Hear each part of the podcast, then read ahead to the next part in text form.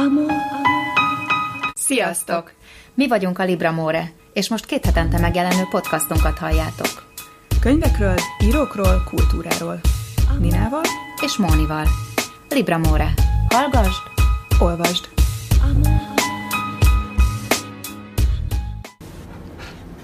Sziasztok! Sziasztok!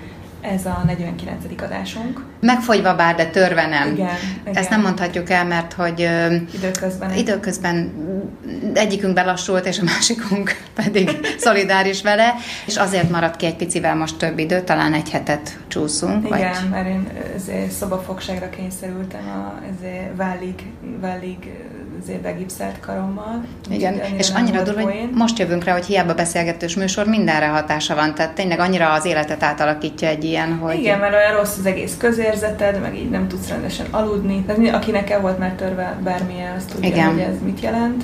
Igen. Ne legyen senkinek semmi eltörve, innen üzenem, hogy, hogy nem annyira poén, óvatosan biciklizzetek. Yes. És az a vicces, hogy nem tudom, tízből kb. négy ember mindig azt mondja, hogy mi van itt áll, és úgy, úgy tehát ezzel nem is értem, hogy miért, miért egyből ez a Magukból ez a indulnak ki. Azt gondolom, hogy magukból indulnak ki. Én még nem kérdeztem meg, de majd privátban megbeszéljük, hogy akkor ez hogy is volt. Viszont most már vagyunk olyan hangulatban, hogy olvasunk is. Igen, igen, most már gipsz lekerült, már csak ilyen ezért kell tartani. Már, csak, már a gyógytorna fázisában vagyok, meg hát most már itt a szuper nyári idő, a májusi es, es monszun, Uff. a monszun után. Úgyhogy ajánlottunk egyrészt olyan könyveket, ugye könyvhéten vagyunk túl, Igen. bár most azért az a durva, hogy ez az első könyvhét volt jó pár éve, amit kihagytam, mert hogy pont emiattig nem tudtam nagyon, nem, nem, nem akartam kimerészkedni.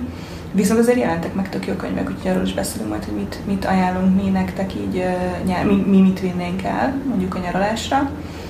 De akkor kezdjük egy, kezdjük egy olyan könyvvel, amiről pár adással ezelőtt már szó volt, három adással ezelőtt a Trónok harcás, ö, adá, vagyis a Fantasy a Trónok harcán túl adásunkban említettem a Hablány és Mrs. Hancock című könyvet, ami tulajdonképpen egy totál történelmi regény, minimális fantasy vonal, hogy van egy ilyen sellő is benne, amit... Ami Igen, ezt nagyon vártuk is, hogy és hogy bontakozik ki ez a szál. Van, és azt meg is marad egyébként egy ilyen nagyon misztikus szálnak, hogy olyan, Hmm. mint hogyha borzasztó ilyen boldogtalanságot, letargiát és szerencsétlenséget hozna magával kb. Tehát, hogy van Hmm. gyakorlatilag egy ilyen, egy ilyen átok, hogyha hozzád kerül, és ugye itt erről szól, hogy milyen hatással van a szereplőknek az életére az, hogy oda kerül hozzájuk egy ilyen sellő-szerű ilyen lény, először egy halott sellőről, ilyen baba, sellő babáról, vagy nem is tudom, Mhm. mondjam van szó, de aztán van egy, egy más, egy, egy még élő, kifejlett példány, ami inkább egy ilyen nagyon sejtelmes, ilyen, nem is tudom, tehát az egész nagyon misztikus marad. Mhm. De egyébként ezt leszámítva teljesen történelmi regényről van szó, egy Mhm. ilyen romantikus történelmi regényről, ami a, a 18. század végén játszódik, tehát a napoleoni háborúk előtt egy kicsivel. Kb. a Jane Austen időszak. Érdekes. Nagyon jók benne a... Vannak benne olyan részek, amik na- nagyon jó karakterábrázolás, meg nagyon jó szituációk, meg párbeszédek, egészen jó a fordítás. És tényleg jó, tehát aki, akinek, aki szereti az ilyen BBC-s kosztümös drámákat, a, a Belgrávi, akinek tetszett a Julian Fellows regény, miről tavaly beszéltem, hogy nálam az az ilyen guilty pleasure jellegű Igen, olvasmány. igen, emlékszem. Ez, ez körülbelül ugyanazt a, azt az élvezetet fogja majd Aha. jelenteni, és nagyon részletgazdag, és nagyon jól. Az látszik egyébként, azt hiszem, hogy művészettörténetet is tanult az író nő, nagyon látszik, igen, hogy, hogy Tök jó. odafigyel az ilyen részletekre. Úgyhogy nálam ez az egyik ajánlat, amit már olvastam, és elvinnék nyaralni, meg ajánlom nektek, és te mit olvastál, és vagy vinnél el nyaralni, hogyha... Hát az az igazság, hogy nem, úgy végig gondoltam, hogy mit hozhatnék, de belefogtam egy Thomas Mannba. Ugyanis elutaztunk Lübeckbe, és, és meglátogattuk a Budenbrock házat, és annyira, annyira, amikor a recepciós nő rákérdezett, hogy ugye emlékszem arra a részre, hogy, mert elég bőbeszédű volt, és be kellett vallanom, hogy nem csak, hogy nem emlékszem, de nincs is mire, mert nem olvastam. És És elhűlt. Vagy De, hát volt ez a, szerintem, tehát, na, hogy mondják ezt, hogy így mentálisan egy ilyen fordított keresztet tartott elém, vagy nem tudom, tehát, hogy ez a úristen, mit keresek én ott, mert hogy rájöttem, hogy én kizárólag novellákat, vagy amiket Aha. kellett középsőiben olvasni, az talán kisregény volt, vagy Ja, novella. Igen, meg a az És volt azok nagyon jók voltak, és elkezdtem a Lotte Weimarban, ami valószínűleg nem egy jó választás volt, mert az borzasztó volt, nagyon vontatott. És még beszéltük is egy barátnőmmel két hete, hogy hát valószínűleg kihagyom.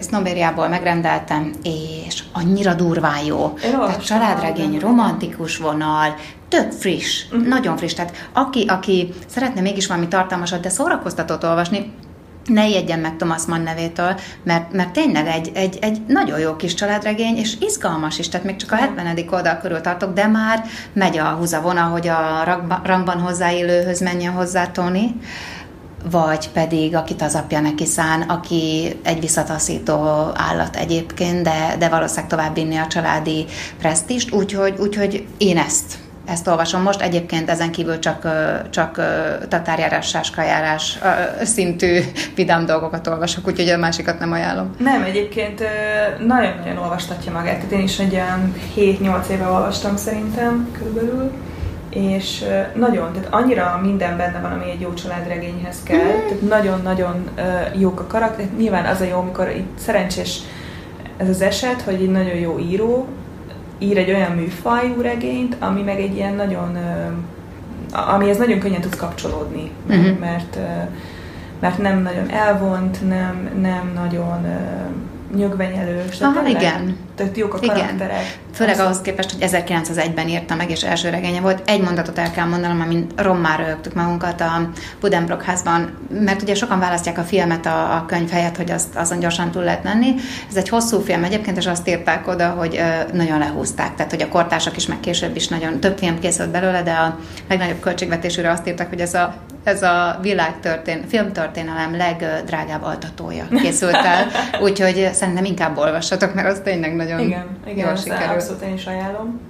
És akkor neked azért kicsit közelebb születtek a könyv, a többi könyved a Igen, mert akkor a tök friss könyvheti Mhm. megjelenésekből választottam kettőt, amit, amit biztos, hogy elvinnék. Nagyon jó kritikákat kapott mind a kettő. Az egyik az elbűvölő feleségem, ami krimi, mind a kettő krimi. Mm, tök jó. És az elbűvölő feleségem az Agave kiadónál jelent meg. A Dexter sorozat rajongóinak Mhm. ajánlják. Egy házaspárról szól, akik egy ilyen szuper kertvárosi millióben élnek, tehát tényleg ilyen született feleségek jellegű Aha. szituáció, boldog házasság, gyerek, minden, jó karrier, és hogy elkezdenek unatkozni. És hogy ilyenkor mivel lehet feldobni a Hát házas figyelj, életet? Biciklizni, Az kirándulni. olyan uncsi. Egyébként igen, valami más találtak ki, gondolom. Az, Mhm. az sokkal jobb. Közös hobbi, Hát de nem. közösen, közösen Ah, de most- el embereket ó. lábalól. Ezt ígéri, így a fülszöveg, meg nagyon, tényleg nagyon jó kritikákat kapott, úgyhogy, úgyhogy én nagyon-nagyon uh, szeretném ezt elvinni magammal Mhm. majd a nyaralásra. De van egy ennél hagyományosabb vagy szolidabb krimi, science fiction krimi ajánlatom is. Blake Crouch Hamis Emlékek című regényéről, ez is frissen megjelent regényről van szó. Nak a fülszövegét fogom most felolvasni, mert ebben minden benne van, és szerintem már rohantok is, hogy megrendeljétek. Szóval, a valóságot emlékek hozzák létre.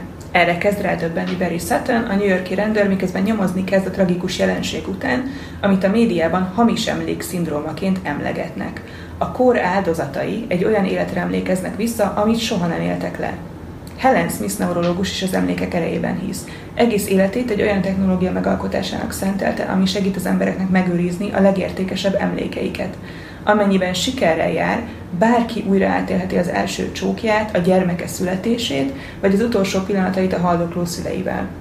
Miközben Beri az igazságot keresi, egy minden betegségnél rémisztőbb ellenféle találja szemben magát, egy olyan erővel, amely nem csak az elménket támadja meg, hanem magát a múlt szövetét is. És amikor ennek következtében elkezd megsemmisülni az általunk ismert világ, csak neki és Helenának van esélye arra, hogy együtt dolgozva legyőzzék a fenyegetést. De hogyan találhatnának biztos kapaszkodót, amikor maga a valóság is folyamatosan változik, és fokozatosan darabjaira hullik szét körülöttük? Tehát elképesztően izgi az, ahogy, mm. ahogy a, az emlékezet, és kicsit visszakapcsolódik mm. egyébként ahhoz a novellához, amit fordítottam a Ted Chengnek a, a, az új regényében.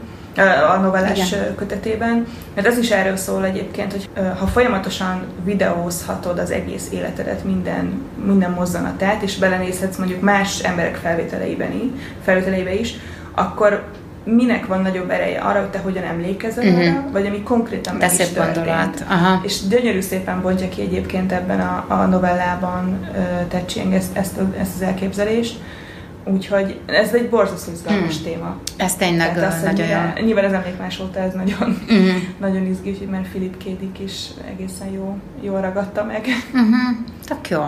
Hát nagyon De ez, ez a kettő, amit én így még most nyára betáraznék. Akkor viszont jöjjön egy kis zene. Igen. Egyik kedvenc zenekarom, a Szigeten is fellépő Florence and the Machine től a Dog Days Are Over fog következni, és azért választottam őt, mert egyrészt én a Szigetre, úgyhogy ti is meg tudjátok majd nézni a koncertjét, másrészt meg van egy könyvklubja, ugye egy csomó híres embernek van könyvklubja, vagy az Instagramon, vagy a Facebookon. A Reese witherspoon például ilyen, ugye van az Oprának a híres, Aha, igen. Oprah Winfrey-nek a, a könyvklubja, de például a Reese Witherspoon is nagyon menő. Tehát ő ilyen, az a durva, hogy ha egy könyv bekerül egy, ilyen könyvklubba, döbbenetesen megdobja az eladásokat. Igen, igen. Tehát, hogy így nyilván ez, ez a faktor is benne van. És Florence-nek a könyvklubja pedig Between Two Books. Úgyhogy ha esetleg rákeresitek a Facebookon, akkor így, így tegyétek, hogy Between Two Books, tehát két könyv között. És akkor következzen a Dog Days Over. Happiness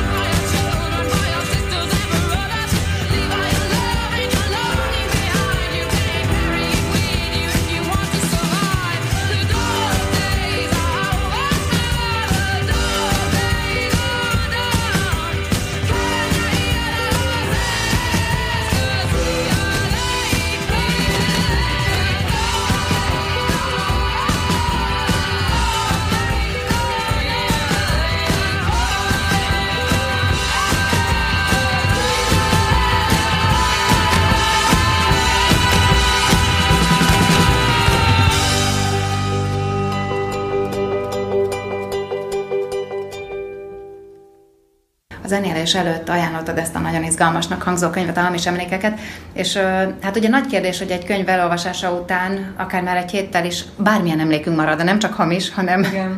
és ugye Egyébként már... ijesztő tényleg, hogy mennyire nem. Ennél csak az a durvább, hogy így egy sok, sok könyvet fordítok, és hogy abból az sem. Igen, pedig abban benne vagy hónapokig. Nyilván sokkal jobban megmarad, de amúgy, amúgy az sem olyan szintű. Tehát ez, ezért is szoktam nevetni, amikor ilyen íróktól kérdezik meg, hogy azt ott miért így írtam. Szerintem egyébként tök sok esetben fogalmuk sincs már, hogy mit írtak, meg Valószínűleg nem. Uh-huh. De ez egy érdekes dolog, és mit olvastál ezzel kapcsolatban? A, a jó hír az, hogy mindenre van tudományos magyarázat. Arra is, amit elfelejtünk, arra is, amire emlékezünk. Az a címe a cikknek az Atlantikban jelent meg, hogy miért felejtjük el a könyvek nagy részét, amelyeket olvastunk, és ö, több oka van ennek a, nagyon sokszor ugye, ezt már beszéltük veled is, hogy az érzelmek megmaradnak, és a tartalmak nem. Tehát az, hogy hogy olvastuk, mikor, ö, milyen emlékek kapcsolódnak hozzá, mit, mit éltünk abban az időszakban. És egy gyönyörű, két, két nagyon szép gondolat volt a cikkben. Az első az, hogy ahhoz lehetne hasonlítani azt, hogy a könyvekre nem emlékszünk, hogy ugye találkozunk egy kádat vízzel és ez a, az, amikor benne vagyunk a regényben, és utána leeresztjük a, a kádvizet, és a kád szélén ott marad az a vékony filmréteg, Igen. és kb. ennyi, ami megmarad a könyvekből, hogy nyomokban ott van az, ez annyira jó kis hasonlat volt. Nagyon, ez nagyon jó. És van Abszolút egy ilyen, találó. rengetegen kutatják ezt a témát. Neveket a cikkben fogtok találni, amit belinkelünk majd a, a posztba. Van egy ilyen, hogy felejtési ív és ez a felejtési ez nagyon szép, tehát olyan jó lenne emlékezési de ez egy felejtési az első 24 órában a legmeredekebb, és természetesen mindenféle technikákkal ö, lehet ezt késleltetni vagy elkerülni, például beszélgettünk mm. a mhm. könyvről. Tehát amiket így meg ha kiegyzeteled, kiegyzeteled többször visszatérsz hozzá, gondolatban próbálod átismételni, és mindig is volt ez a felejtés, tehát az volt a vicces, hogy a cikkben felidézik Platont, aki az egyik írásában, ugye Szokratész szájába adja azt, hogy kárhoztatja az írás megjelenését, mert ezzel a memóriánk fog romlani. Na most, ha már Platon idejében ez egy kérdőjel volt, az internet korábban tökre megváltoztak a fogyasztási szokások, és az az érdekes, hogy, hogy megváltozott az is, hogy az agy milyen fajta információt tart értékesnek, meg megjegyzése valónak, Hát egyre kevesebbet, mert ugye ott az internet, Igen. és... Már és is fejleszti magát ezzel, hogy Pontosan, és nagyon jó, mert ugye túltelítődne, tehát hogy nem, nem kell ezeket megegyeznünk. Azt mondja, van kétféle memória, a recall memory, tehát az emlékezési memory, ezt kevésbé szükségesnek tartja most már az agy ezt a részét karban tartani, meg van egy recognition memory, uh-huh. hogy, hogy felismerjük azt, ami, ami fontos lehet, meg uh-huh. felismerjük azt, hogy ezt már olvastuk, uh-huh. tehát felismerni most már jobban tudunk. Pár napja jártam így Na. Patrick Melrose regényel, hogy a, a harmadikat, ugye az két kötetes, Igen. és a, az elsőt azt elolvastam, és akkor pár napra elkezdtem a másod, az utolsó, ugye a negyedik és az ötödik kötetet. És be volt rakva, ezért elkezdtem olvasni, Mondom, ez milyen érdekes, hogy itt ilyen szinten visszautal, hogy ugyanaz történik a regényben. Egy, mondom, hát ez hogy, hogy létezik hm. az, hogy pont, hogy most ez egy ilyen, ezért visszaugrottunk az időbe, és hogy flashback, és mondom, ez nem létezik, hogy ezt, ezt már így ezt a mondatot olvastam. Ez nagyon durván ismerős volt, és megnéztem, és a, az első kötetet tettem be véletlen a táskámba. Jézusom! És a, azért volt ennyire ismerős az a harmadik kötetben, amikor a, a vidéki szülinapi parti Aha, igen, igen, úristen. És mondom, egy az egyben ugyanaz volt, ennyire nem létezik, hogy így, Aha, ez igen. már azért túlmegy azon az ismétlésen. Igen, igen, ez már posztmodernnek is túl sok. Igen, igen, és aztán rájöttem, hogy igen, nem olvastam. Na. De ott még azért viszonylag friss volt az Ennyi. Minden tüneted alá van támasztva ebben a cikkben, úgyhogy tényleg... De ez nagyon érdekes, ezt én is meg akarom nézni mindenképp ezt a, ezt a cikket. És nagyon, például a sorozatokat is említik, hogy más hatása van, ha binge-watchingolsz, tehát uh-huh. egyben meg, mondjuk egy hétvégén megnézel egy teljes évadot, mert akkor kutatták azokat, akik így néznek sorozatot, meg akik egy héten egyet uh-huh. néznek, és hát szerinted melyiknek jobb a hatásfokkal? Persze. Egyet. Tehát, hogy ugye van időt feldolgozni, Igen. nem tömítődik el az agyad. Jobban is élvezik a sót, vagy a filmeket azok, Igen. akik hetente egy, egyet néznek, és, és többre is emlékeznek. Abszolút, az, ez, ezzel teljesen egyetértek. És hogy az interneten is, az interneten történő olvasásra is jellemző az, ami az életre, hogy nem, a, nem az információt, hanem az élvezetet, meg az élményt keressük. Ezért olvasjuk rommá magunkat, mm. azért olvasunk minden hülyeséget el, mm. de ebből tudás elenyésző részéből válik. Mert azt gondoljuk, hogy, hogy, hogy értjük, tehát hogy megértjük, felfogjuk, de, de át is megy rajtunk, tehát mm-hmm. így tökre kimosódik rögtön. Igen. És ezért van az a fals fals képzetünk, hogy, hogy mennyi minden infót magunkba szívunk, nem szívjuk magunkba, tehát áteresztjük magunkon. Úgyhogy itt is valószínűleg a kevesebb több című elv az, az É, igen, mert ennek én nagy vagyok sajnos megszállottja. Igen, te nagyon szereted az infót. Igen, igen. Meg egyébként olyan nagy a kísértés, hogy mindent úgy tálalnak, igen, hogy ezt, ezt el kell olvasni. Mert hogy valami érdekel, akkor egyben megnézed, akkor utána olvasol, és még, még, még, igen. még, még. Na mindegy, de hát ugye nem tudunk kiszakadni abból a korból, ahol vagyunk. És egy végső gondolat volt a cikkben, hogy várj, ezt muszáj olvasnom, mert azt mondja, hogy ó, ez gyönyörű volt, hogy a, hogy, hogy a könyvekre nem szabad úgy gondolni, mint egy fájl, amit betöltesz, hanem ez az életed szövetének a részévé válik hm. minden egyes könyv, amit elolvasol, és bár messziről a szövetben nem látod azt az egy szálat, de ott van az a szál. Tehát, hogy minden, belé, minden beléd épül, hiába nem emlékszel rá, de egyrészt megfelelő technikákkal, vagy megfelelő élethelyzetben elő lehet hívni, meg ha nem is, benne van a szövetben, nem baj, ha nem látszik az a piros szálad. De ez, ez volt a, gyönyörű. pont a Librinek volt, azt hiszem pár évvel ezelőtt ez a szlogenje, hogy minden könyv hozzánk. Mm, igen, igen, igen, igen, abszolút. abszolút. És ez olyan szép. Úgyhogy ne esünk kétségbe, olvasunk csak rommá magunkat, mert benne lesz az a szövetünkben, csak nem biztos, hogy emlékszünk a szereplő nevére jövőre két hét múlva. De az nem baj. Nem baj. Nem baj. Nem a baj. szereplők azt szerintem az a reménytelen. Én nem is értem, hogy, hogy ha van olyan ember, aki képes megjegyezni, hogy kit hogyan hívtak, az, az valami csoda. Azt szerintem egy betegségnek hívják, csak nem tudjuk a nevét. Tehát, hogy, hogy tudod, ez... Akkor jó. És egy nagyon-nagyon rövid a végére Umberto Eco-nak, ez a, van egy elmélete, az antikönyvtár elmélet, aminek nagyon ugye megütötte a szemem a, ez pár hónappal ezelőtt egyébként jött elő, mert ugye ez a, hogy minél több dolgot, dologtól szabadulj meg, és a Marie Kondo-nak van ez a KonMari oh, yeah. igen. és ugye ott arról volt szó, hogy ne tartsd meg a könyveket, igen. és ugye rengetegen felháborodtak, igen. hogy mi az, hogy ne tartsam meg, hogy csak nem tudom hány darab könyvem igen. legyen, ami azért, hogy dobja, dobd ki nyugodtan, és hát nem lehet, és akkor egyébként pont említettük mm-hmm. ezt a gondolatot Umberto Eco-nak. Igen. Tehát, hogy a, tök érdekes, hogy azt mondja, hogy két, kétféle, két csoportba osztja az ő házába látogatókat. Egyébként érdemes megnézni a posztot, és ráklikkelni arra a videóra, YouTube videóra. Azt hiszem YouTube videóra körbevezeti a házában, perceken átmennek az kamerával. Egészen, egészen. Hát valami mese szép, és az Umberto Eco azt mondja, hogy az emberek többsége, döntő többsége bemegy a házába, és azt mondja, hogy úristen, mennyire jó könyvtárad van, mekkora, mennyit, olvastál ebből. Tehát, hogy igen. tudod, amikor hozzánk is bejönnek, hogy ez igen. minden olvasat. Igen.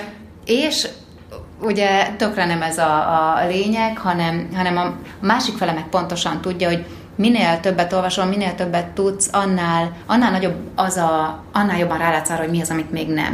Igen. És ő azt mondja, hogy az anti, anti könyvtár, az a könyvtáradnak az a része, ahol az el nem olvasott könyvek vannak, de az a felhalmozott tudás, ami, amire már rálátsz, hogy létezik, és, és hogy bármikor levehetni. Tehát ő azt mondja, hogy minden egyes forintot rá kell költeni az anyagi helyzeted, meg a lakásod mérete függvényében arra, hogy, hogy felhalmozd a könyveket mert hogy létre kell hozni ezt az antikönyvtárat, ami egy lehetetlen küldetés, hogy átrág magad rajta, de mégis fontosabb, mint az elolvasott. Mert ugye az emberek manapság úgy definiálják magukat, hogy mi az, amit már tudnak, mi az, amit már olvastak, és elhatárolódnak attól, ami, ami nekik még nincs meg, mert, mert úgy vélik, hogy ez negatív fényben tüntetné fel őket, pedig ő azt mondja, hogy, hogy a CV-nél is nem azt kéne kiplakátolni, hogy mi az, amit tudunk, Igen. hanem elmondani, hogy mik azok a területek, amiket még nem tudunk, ez olyan furi. De nem, az az érdekes, hogy ráadásul pont erre felé megy a világ is, mert hogy azt nézik, hogy te mennyire vagy hajlandó képezni magadat, uh-huh, meg igen. tovább tanulni, meg az új technológiák, az új tudások, az igen. új kompetenciák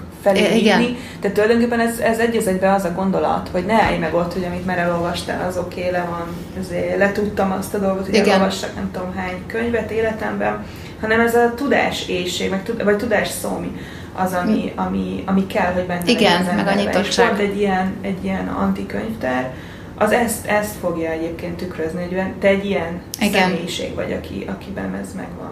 És egyébként pont ez összecseng a Harari-nak most, meg, megdöltem, én nem szoktam non-fiction olvasni, de most a 21 lecke, azt hiszem a 21. Aha. századra azt elkezdtem olvasni, és ugye ő mondja azt, hogy, hogy régen úgy építették fel az emberek az életüket, mint egy házat, egy jó mély ilyen kő alapzattal. Uh-huh. És most, hogy ha túl akarsz élni, és sikeres akarsz lenni, nem feltétlenül, tehát túl, túlélni akarsz, akkor az életed, mint egy sátrat kell elképzelni, hogy bármikor összecsukhass, és tovább mehetsz. És ez pont erre rímel, hogy, hogy, hogy ugye bármikor képesnek kell lenni rugalmasan új alapokra helyezni mindent, és ez, és ez anélkül, hogy ne lennél nyitott a tudásokra, az új tudásokra, ez nem fog menni. Igen, igen. Igen, igen. igen. Abszolút erre felé megy szerintem Igen. is ugye a világ, úgyhogy más, más nem tudom, változni kell egy, és pont ehhez itt Igen. Úgyhogy akkor nyugodtan ne szégyeljük azt, hogy mit nem olvastunk. Pontosan. A, igen, Nem mindig jó, amikor így kerülgetni kell így a tornyokban álló. igen, Könyveket. nagyobb lakást kell venni. Igen. Ennyi. Igen, Kész. igen. Na, úgyhogy, hát, úgyhogy nyugodtan gyűjtögessetek, meg olvassatok, olvassatok ti is klassz, klassz nyári könyveket. Reméljük, hogy tetszett azok, amiket ajánl, azok a könyvek, amiket ajánlottunk. és akkor jövünk vissza. Sziasztok! Sziasztok!